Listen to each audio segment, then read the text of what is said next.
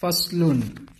المغلظة تطهر بسبع غسلات بعد إزالة عينها إحداهن بتراب والمخففة تطهر برش الماء عليها مع الغلبة وإزالة عينها والمتوسطة تنقسم إلى قسمين عينية وحكمية. العينية التي لها لون وريح وطعم فلا بد من إزالة لونها وريحها وطعمها. والحكمية التي لا لون ولا ريح ولا طعم لها يكفيك جير الماء عليها. Faslun fasal uh, al-mughalladzatu najis yang mughalladzah itu tathuru bisab'i ghasalatin akan menjadi suci dengan tujuh kali basuhan setelah dihilangkan benda najisnya tersebut. Ihdahun nabi turabin yang salah satu dari tujuh basuhan tersebut dicampur dengan turab yaitu dengan tanah atau bahkan lumpur. Wal mukhaffafatu sedangkan najis mukhaffafa itu tathuru bisa menjadi suci bi ma'i dengan hanya menyipratkan air alaiha terhadap najisnya tersebut ma'al ghalabati yang sekiranya air yang diciprakan tersebut uh, mencangkup semua najis tersebut meskipun airnya tidak mengalir. Ma'al ghalabati wa izalati ainiha dan pastinya uh, dengan syarat ainnya atau bendanya itu sudah hilang. Air kencingnya itu sudah tidak nampak atau tidak ada. Kemudian yang ketiga wal mutawassithah itu adapun najis mutawassithah itu tanqasimu ila qismin terbagi menjadi dua bagian. Ainiyatin yang pertama adalah najis ainiyah, wa yang kedua adalah najis hukmiyah. Al ainiyatu adapun najis ainiyah itu allati laha launun yaitu najis yang memiliki warna warihun dan bau wa ta'mun dan rasa. Fala budda min izalati launiha wa rihiha wa ta'miha. Maka untuk mensucikannya itu harus menghilangkan warna, bau, dan rasanya. Wal hukmiyatu adapun najis hukmiyah yaitu allati la launa wala riha wala yaitu najis yang tidak memiliki warna, bau dan rasa. Maka yakfi kadirul ma'i 'alaiha cukup disiram dengan air, cukup dialiri dengan air.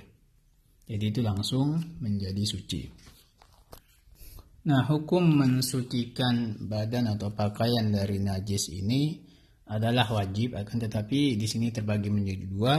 Ada yang wajibnya itu alal faur, yaitu seketika itu wajib disucikan.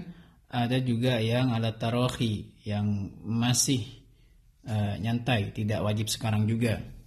Adapun yang wajib sekarang juga itu uh, bagi mereka yang tadammakho bin najasah yang sengaja berbelepotan dengan najis tanpa adanya hajat, maka itu wajib disucikan. Kenapa? Karena e, menyengaja melumuri diri dengan najis tanpa adanya kebutuhan, tanpa adanya hajat itu hukumnya maksiat, haram dan wajib mensucikan seketika itu juga.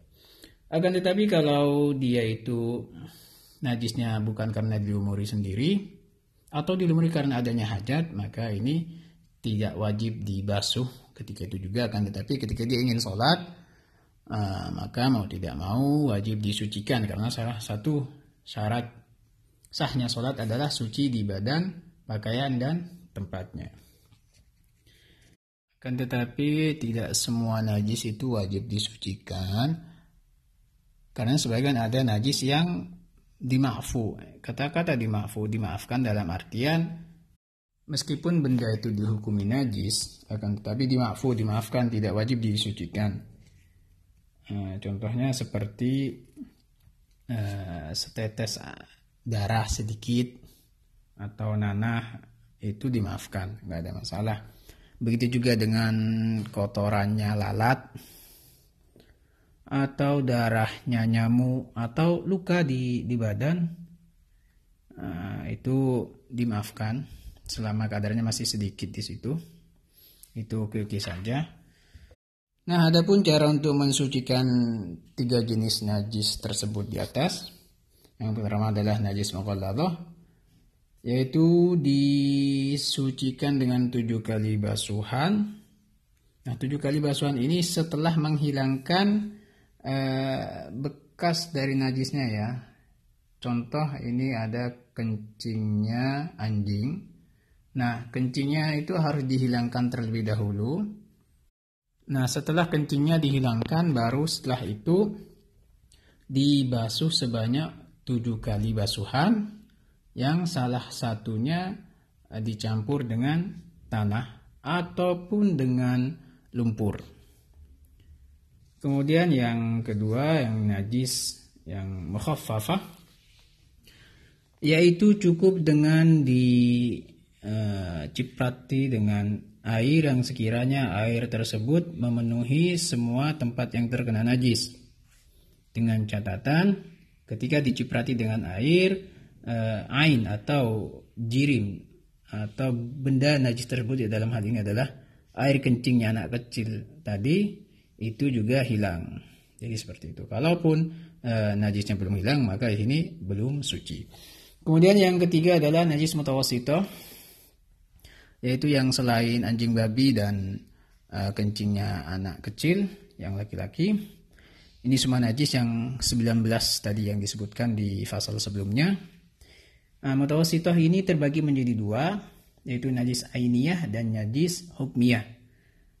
Najis ainiyah itu yang mempunyai warna, rasa, dan bau kebanyakan najis seperti ini, maka dalam hal ini dalam hal mensucikannya itu harus dihilangkan warna, bau dan rasanya.